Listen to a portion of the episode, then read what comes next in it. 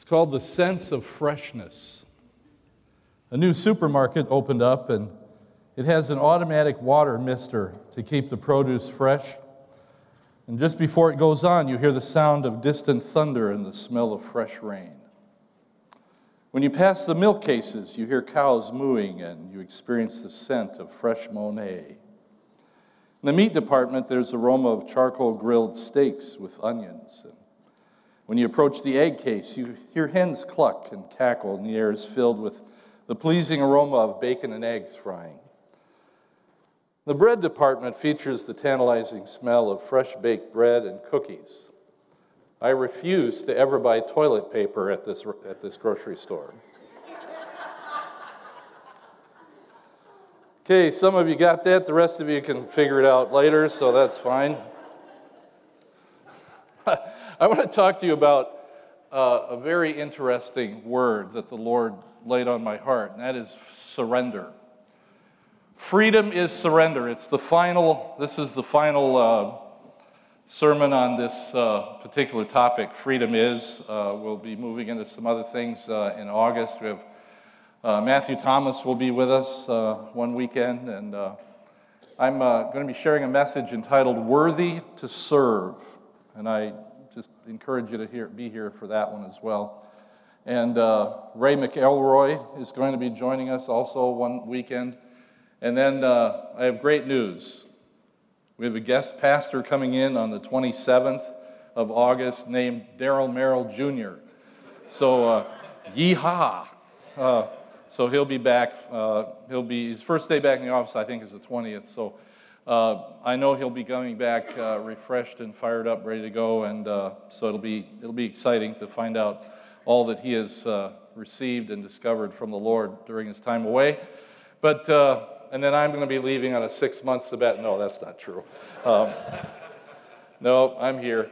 Uh, but I'm excited about the fall. The Awana program will be kicking off again, and uh, there's just you know just going to be a lot of different things coming, and I encourage you to be a part of all of that. But uh, but what about surrender? What is what is surrender? What does that really mean? Uh, the Bible, or the, not the Bible, but the dictionary says to give control or use of something to someone else to give someone else control of your decision making process, to, uh, to allow somebody else to make decisions for you or to influence you, direct you, to control you. Now, I want to give you a little bit of an illustration of how this works. When we, when we get in, go into agreement with the enemy, when we surrender to Satan. Uh, now, it, it, doesn't literally look like this, but I, there's a figurative picture here that I want to show you. And uh, when, you, when you surrender to Satan, it's similar to this. Dan, if you'll help me out, I'm going to get back at you for all, a lot of things. But um, when you come to Satan, he basically treats you as if you were a criminal. He says, Get your hands up, turn around, Put your hands behind your back.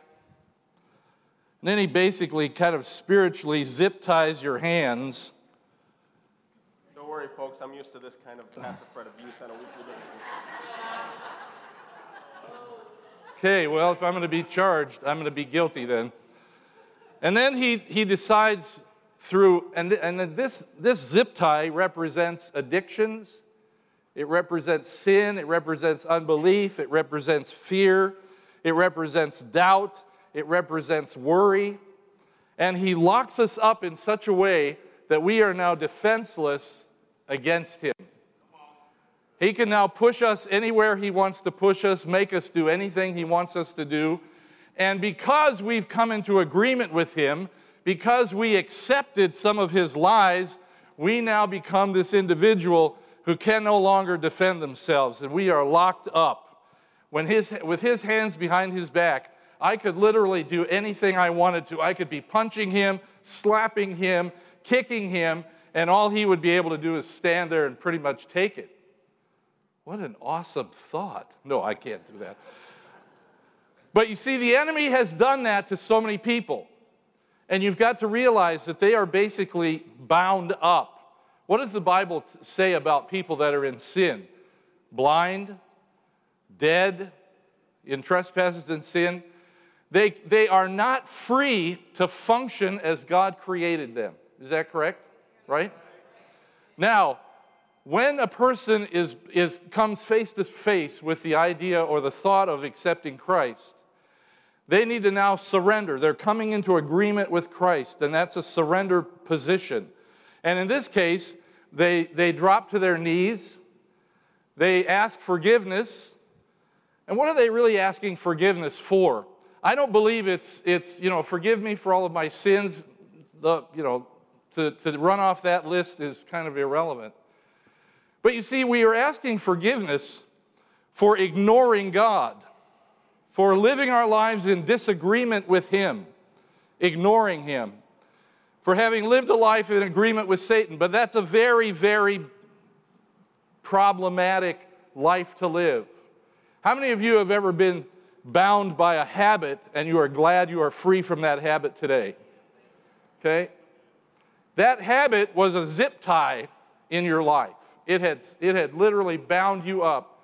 And Satan or that habit controlled you. Well, I have good news, especially for Dan. I have wire cutters.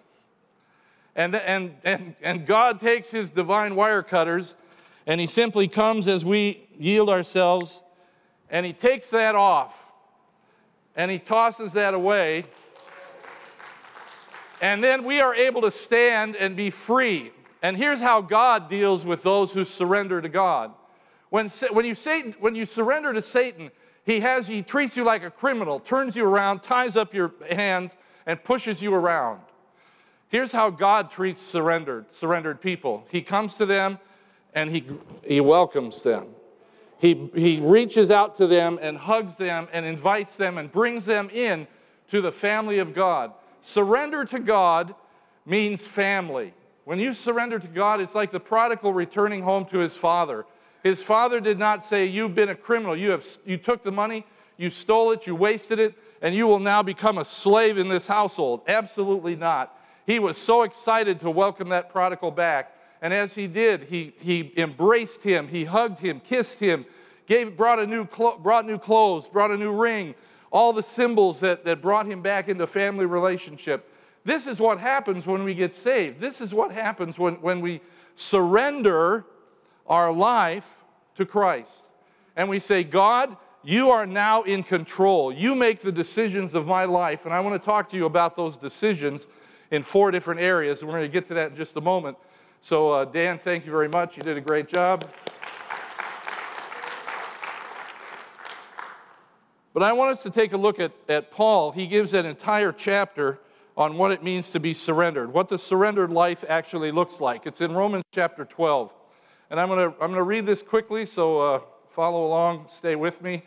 Uh, but chapter 12 is amazing because it begins with, Therefore, I urge you, brothers, in view of God's mercy, to offer your bodies as living sacrifices, holy and pleasing to God, which is your spiritual worship.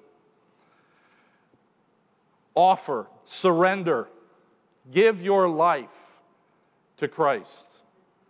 Do not conform any longer to the pattern of this world, but be transformed by the renewing of your mind. Prisoners think a certain way, free people think a different way. We need to think like free people. Then you will be able to test and approve what God's will is, his good, pleasing, and perfect will.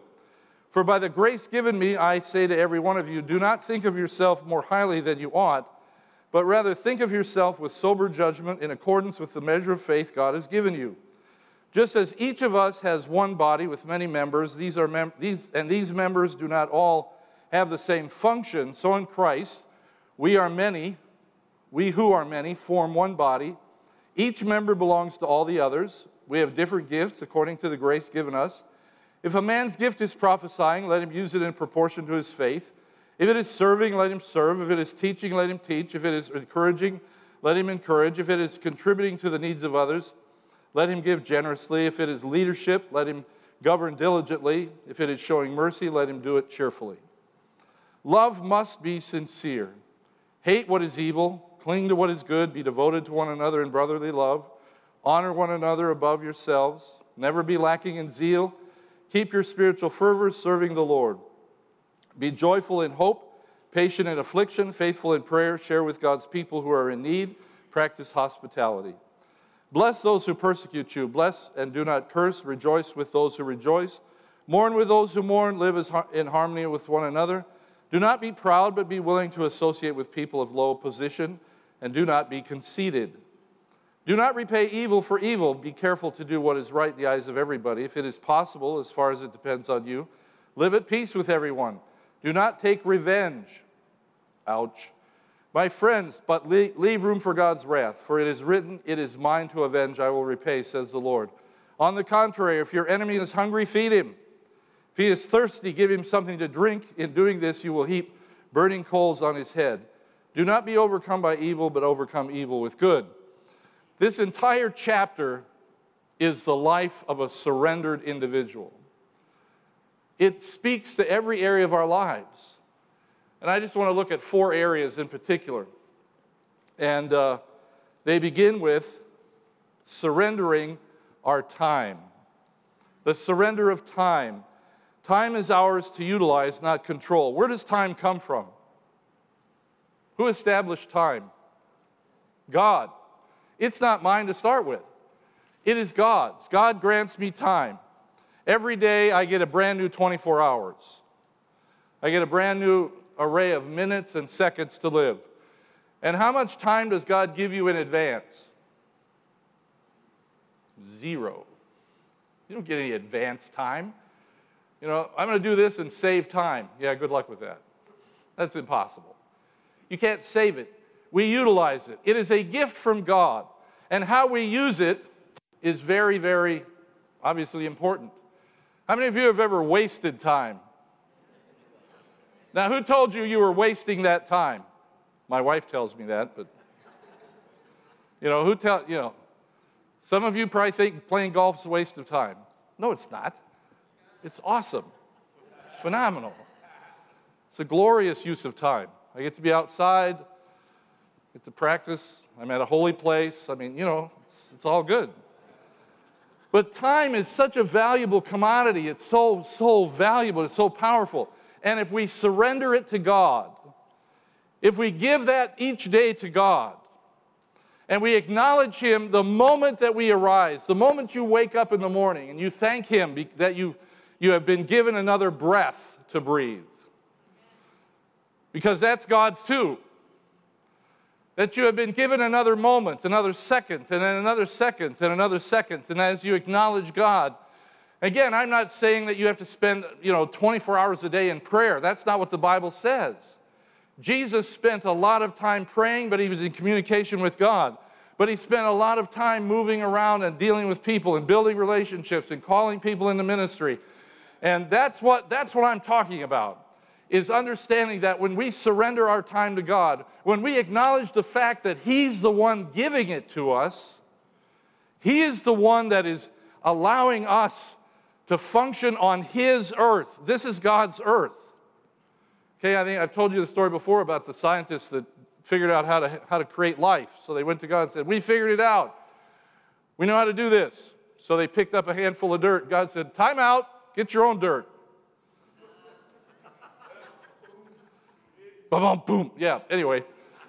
Time, though, to surrender that. It's a, it's a mindset, it's not a watch. Although I love watches, bigger the better. And, I, and I'm very conscious of time because I understand how valuable it is. When you, again, I'm, you know, I, I'm, where's Paul? Paul knows how I love punctuality. I just love it. And I blame my mother for that. My mother made me a punctual person. I was five minutes late one night coming home. I missed my curfew by five minutes. She took my car away for an entire week because of those five minutes. I was never, ever late for anything ever again. Why? Because I don't want to lose my car. That's the whole reason.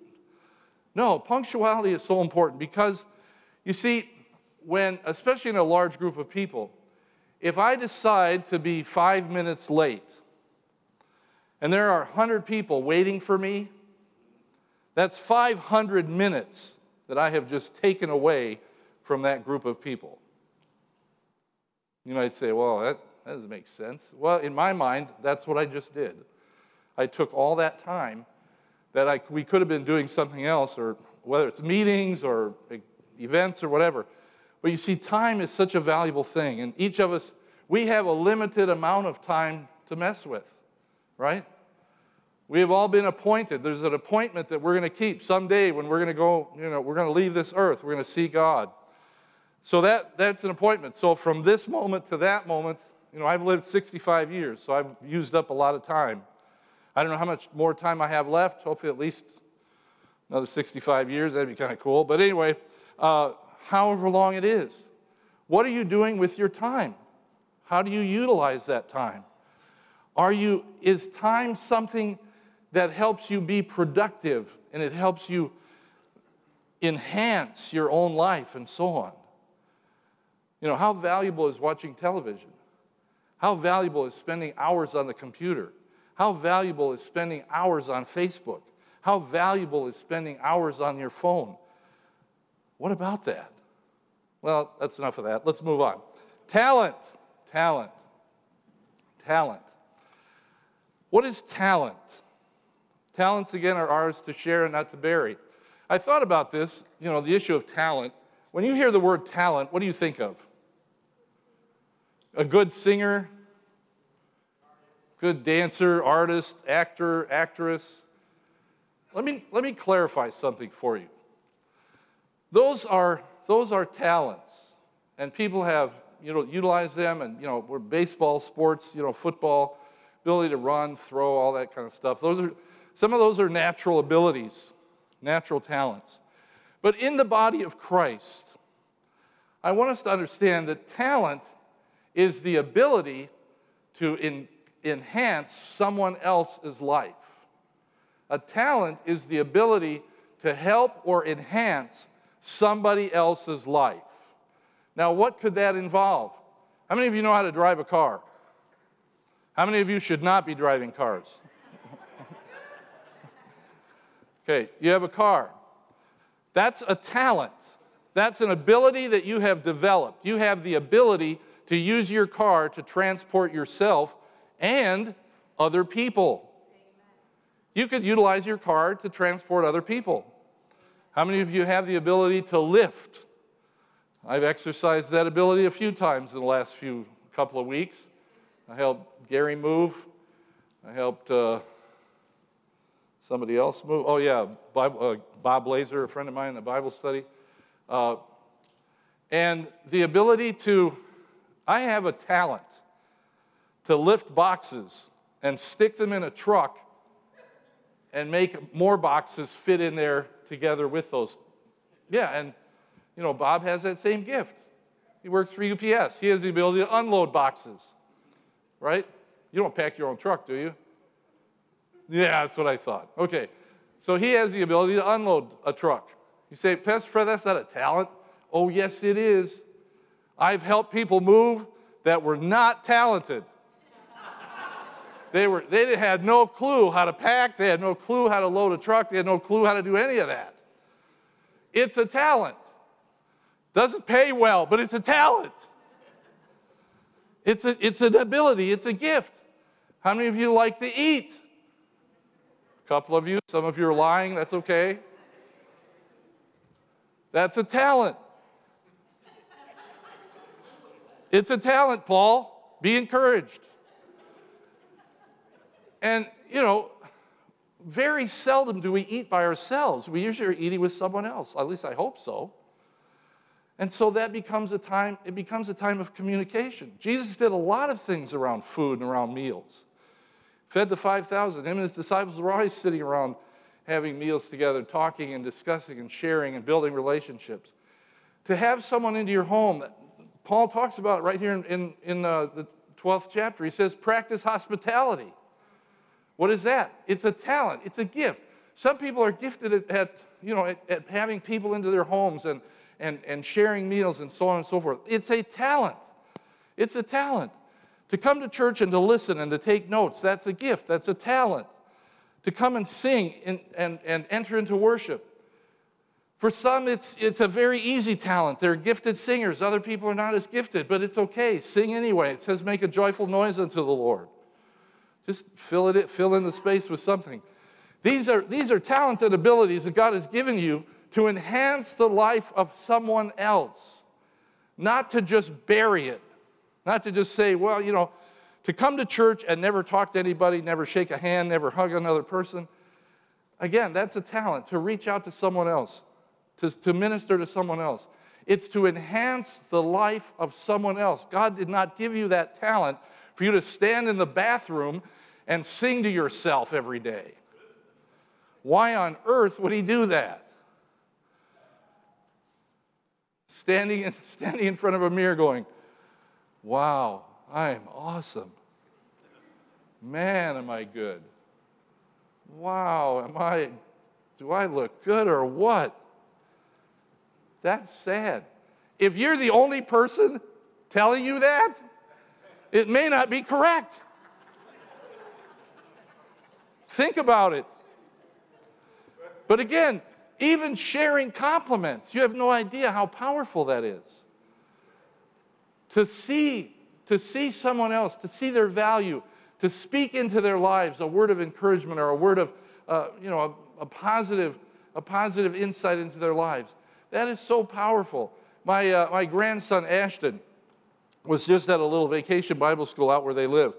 And he, they brought him up and presented him with a certificate for discernment. The kid's eight years old. How does he know what discernment is? But, his, but again, because of his abilities and how he learned and understood how the rules worked and, and how he encouraged other kids to, to play together well and so on, and how he, you know, he, and he, has, he does have the gift. I mean, it's amazing. You know what our conversation this morning while we, I was babysitting this morning uh, with uh, Ashton and Ariana. You know what they were discussing at the breakfast table this morning? Heaven. They were discussing what heaven's going to be like.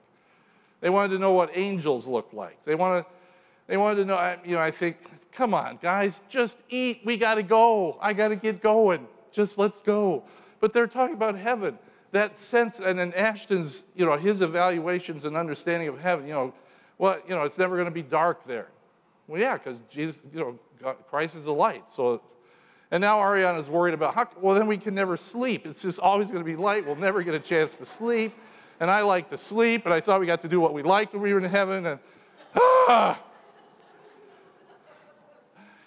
Oh, man, what a long breakfast that was.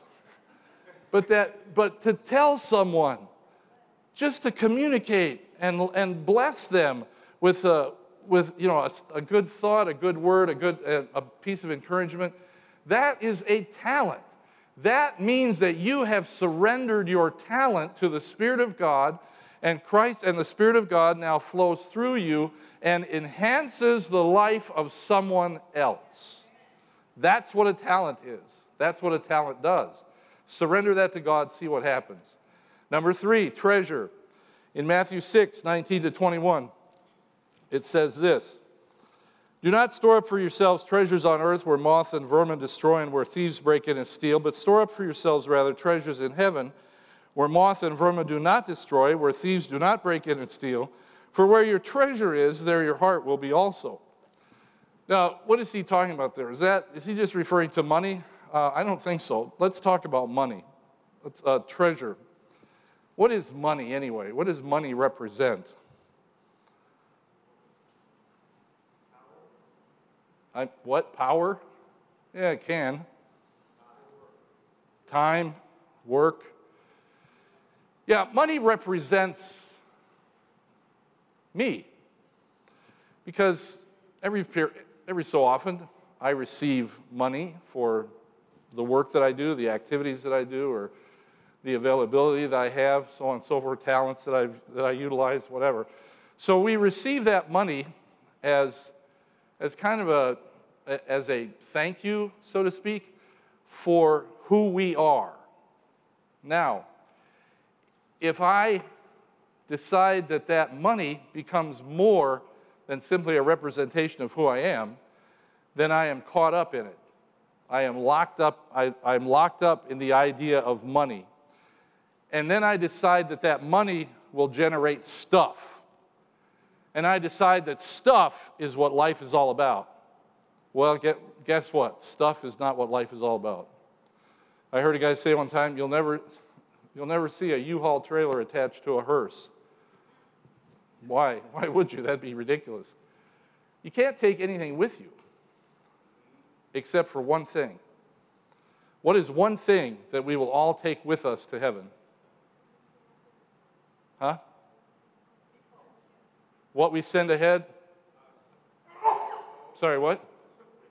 What? Yes, relationships. It's the only thing you're taking to heaven. Your clothes isn't coming, your bank account's not coming, your, to- your car's not coming, your stuff's not coming. When you take your last breath,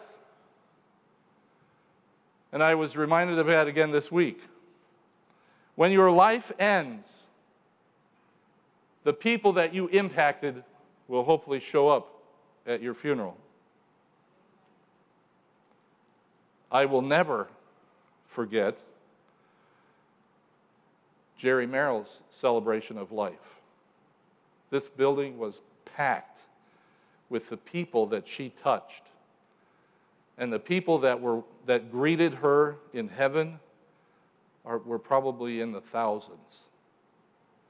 Because that's what we send ahead those relationships. It's those people that we know, people that we've impacted, people that we've cared about, people that we've led to Christ people that we've worshiped with, people that we, you know, we've learned to love them and appreciate them and care about them. Those are the treasures that, you know, moth and, and stuff, no, those can't be stolen. Those are things that are locked away. And we need to build on those things. We need to develop those. And as you know, every time some I know someone accept, has accepted Christ, every time I lead someone to Christ, every time we know that they are a Christian, what have you just done? Sent a treasure to heaven. Because you will see them again forever. So make sure you lead people to Christ that you really like. I don't believe I even said that. Lead the real mean ones to Christ so that they'll be nice when they get to heaven. Do you understand what I'm saying? It has nothing to do with stuff. We invest our money here on earth. We give. We support uh, the church. We support missions. We support. Yes, I invest that money. God has given me that to utilize it and to invest it, not to stick it in a hole. What, what would be the point of that? I've heard too many stories about people that died completely destitute and poor, and they were sleeping on $100,000. They had stuffed money into their mattress for a rainy day, and that rainy day never came. They died and left that money to whoever, whoever found it, but died poor. They, did, they, they, hoarded that, they hoarded their finances for what? It's, they're pieces of paper. It's just paper. Invest it into the kingdom. What, is God, what, is Christ, what did Christ say? Give and it shall be what? Given unto you. How? Pressed down, shaken together, running over. Because God loves to flow money through his children, not to them, through them. That's a powerful thought. And if we understand that, it gets pretty exciting. And again, don't get hung up, you know, on, well, tithing is 10%. Just, you know, surrender all of it to God. The Holy Spirit will direct you and guide you and help you in making decisions about your finances.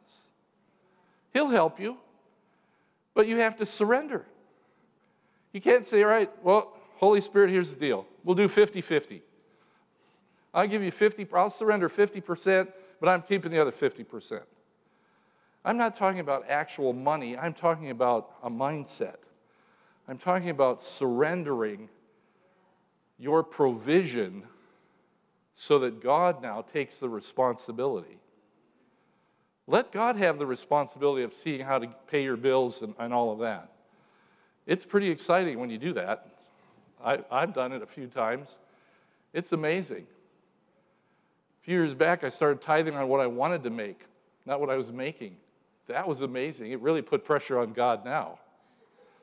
Oh my goodness, what am I going to do? Trust me, God was done up there going, Oh, what am I going to do? He, I believe God started jumping up and down. And he thought, This is exciting. Pastor Fred has taken a step of faith that I now get to have fun with. And Linda's income increased, my income increased, the blessings started flowing. It was crazy, absolutely nuts what God did in that. Because I went to a place where I said, I surrender, God. I'm going to surrender this to you, and I'm going to, I just want to see how this works. What does the Bible say? Test me. Malachi, test, prove me. Give me a challenge. See if I won't do what? Open the windows of heaven, pour out a blessing you cannot contain. All right, I'll take that shot. Thought, all right, God, let's see how this works. Boom, it worked. Now I sound like Carl Clausen. Boom, we're on the boom crew or whatever that means. Finally, the last one. This is the tricky one temper. Surrender your time, surrender your talent, surrender your treasure, and then surrender your temper. Oh boy. Anybody here have a temper? Anybody here ever lost their temper? How long did it take you to find it? About a half a second, right? Just it, it went away and then whoop, came right back. I mean, it, you didn't lose it, you just used it. James says this My dear brothers and sisters, take note of this. Everyone should be quick to listen, slow to speak, slow to become angry, because human anger does not produce the righteousness that God desires. Now, let's go back to Romans and, and see what he says also in verse 17. Let's look at that one more time. He says, Do not repay anyone evil for evil. Be careful to do what is right in the eyes of everybody. If it is possible, as far as it depends on you, live at peace with everyone. Do not take revenge my friends, but leave room for God's wrath, for it is written, It is mine to revenge, I will repay, says the Lord. On the contrary, if your enemy is hungry, feed him. If he's thirsty, give him something to drink. In doing this, you will heap burning coals on his head. Do not overcome evil, uh, do not be overcome by evil, but overcome evil with good. What is what exactly is our temper? What is that? It's an emotion. Anger is emotion. We, we learn to love, we learn to laugh, and we learn to be angry. And anger comes, I believe, when we feel somehow devalued, when we feel like someone is not valuing us. Someone cuts in front of you on the highway, and our response is, Did you know, I, did you realize I was here? What is wrong with you? That's, a, that's always a wonderful question. Why do we ask our children that? What is wrong with you? How do we answer? How do you answer that question? Well, how much time do you have? Well, I have, you know, I have a pain in my leg, and I, uh, you know, I have a little bit of ADD, and I, you know, I kind of overweight. And, you know. How do you answer that question? What is wrong with you? That can't be answered. It's just one of those angry questions that makes no sense. But to devalue a human being is, is Satan's job. He works very hard at that. And he tries to move in, and, and it touches on the issues of pride, it touches on the issues of, of selfishness, it touches on all these kinds of things. And these are the areas we have to overcome as a Christian. I have to surrender my temper. Paul says it. You have to surrender your temper to God. You are not the judge here. It is not our responsibility it is not, it is not our job to pass judgment on other people. The other day I was driving and uh, the light had turned yellow and it looked like the guy in front of me was going to go through it. And at the last second, he changes his mind. And, all, and he stops. And I'm, I'm right behind him and I'm figuring, you know, let's do this together, guy. And he stops. And I, you know, thank God I, I was quick enough. I was able to swerve and, and you know, and I'm around, I'm, you know, now I'm almost next to him. And he starts backing up. Stop! Wait, stop! You're adding insult to injury. Whoa! So I, now I have to quickly back up my car. And I'm, and I'm thinking, should I get out of my car and witness to this fellow?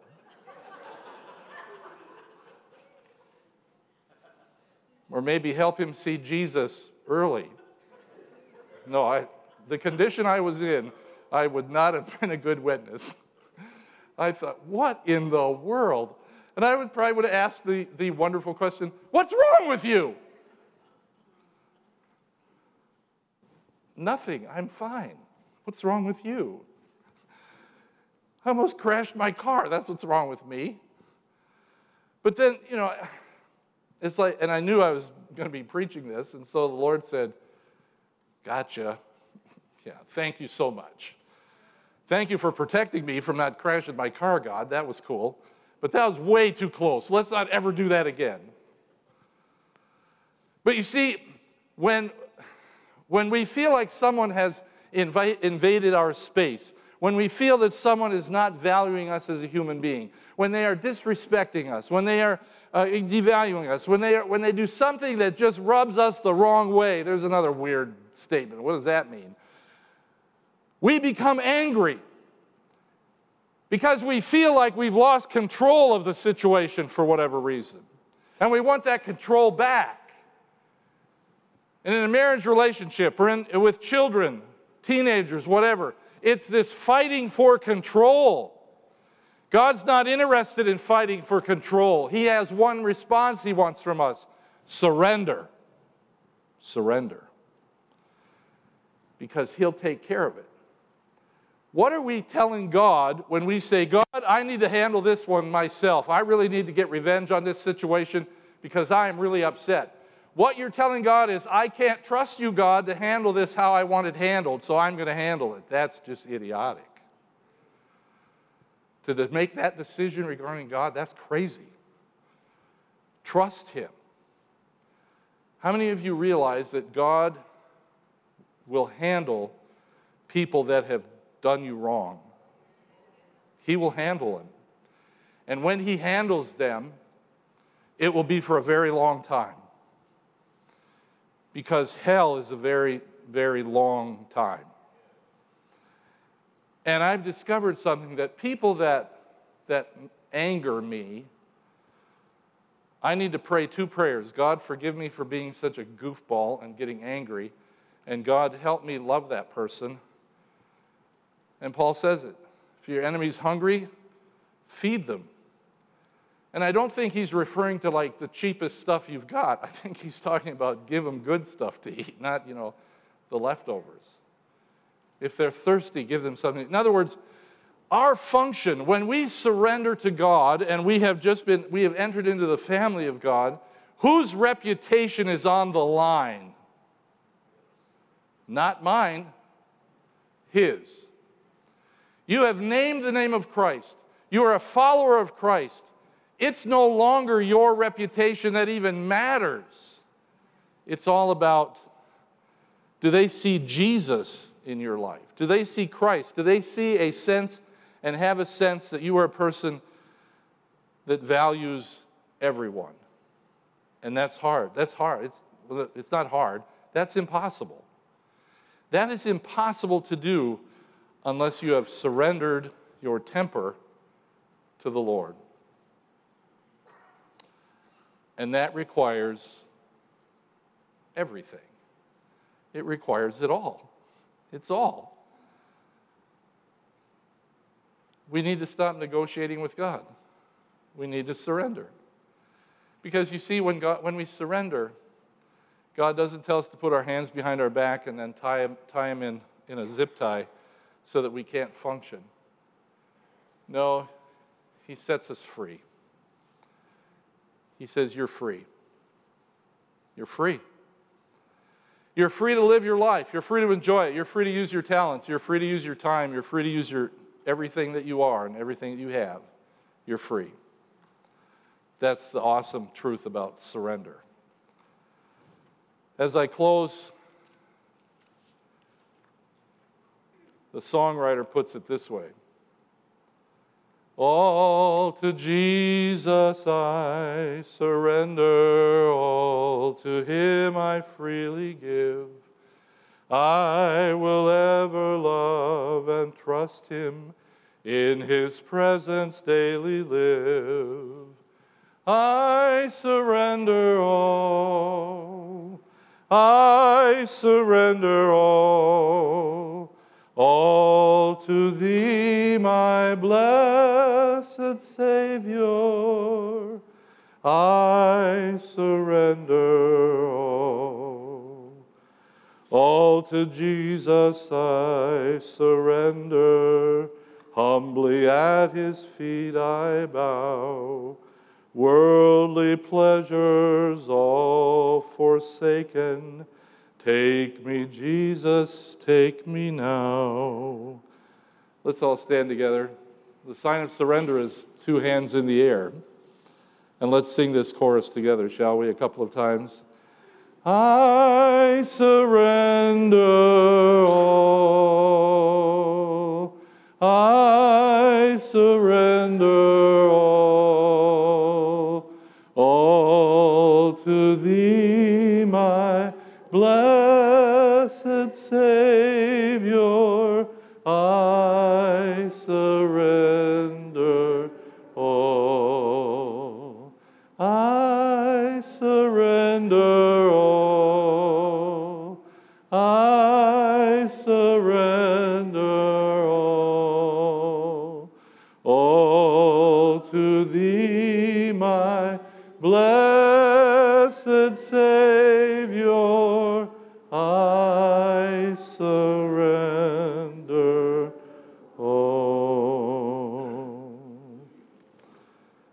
Heavenly Father,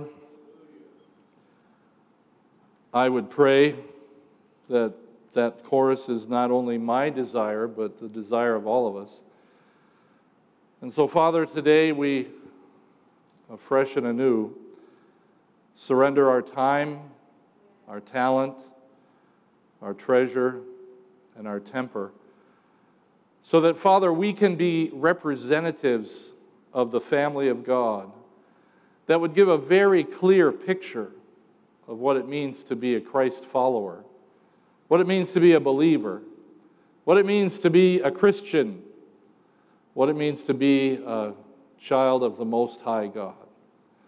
Father, thank you for reminding us again today through your word and through this time together. Father, I want to thank you. I thank you for each one that's here. I thank you and ask you to be that blessing in their lives. Let them know the joy of full surrender. Father, if there's someone here today that they need those zip ties cut because of a habit, uh, an issue, an addiction, or whatever, this is their day, Father. I ask you to move about by the power of the Holy Spirit and cut those bonds, cut that tie, release their hands so that they can raise them in surrender and offer themselves as a child of yours, accepting and receiving Christ as their Savior. Father, thanks so much for this amazing time, this great day. We love you, we praise you, and we look forward most of all to seeing you face to face in the near future. In Jesus' name we pray it and believe it. And everyone said, Amen. Amen. Before we leave, let me share with you the blessing of the Lord. The Lord now bless you and keep you. The Lord make his face shine upon you, be gracious to you. The Lord turn his face toward you and give you peace.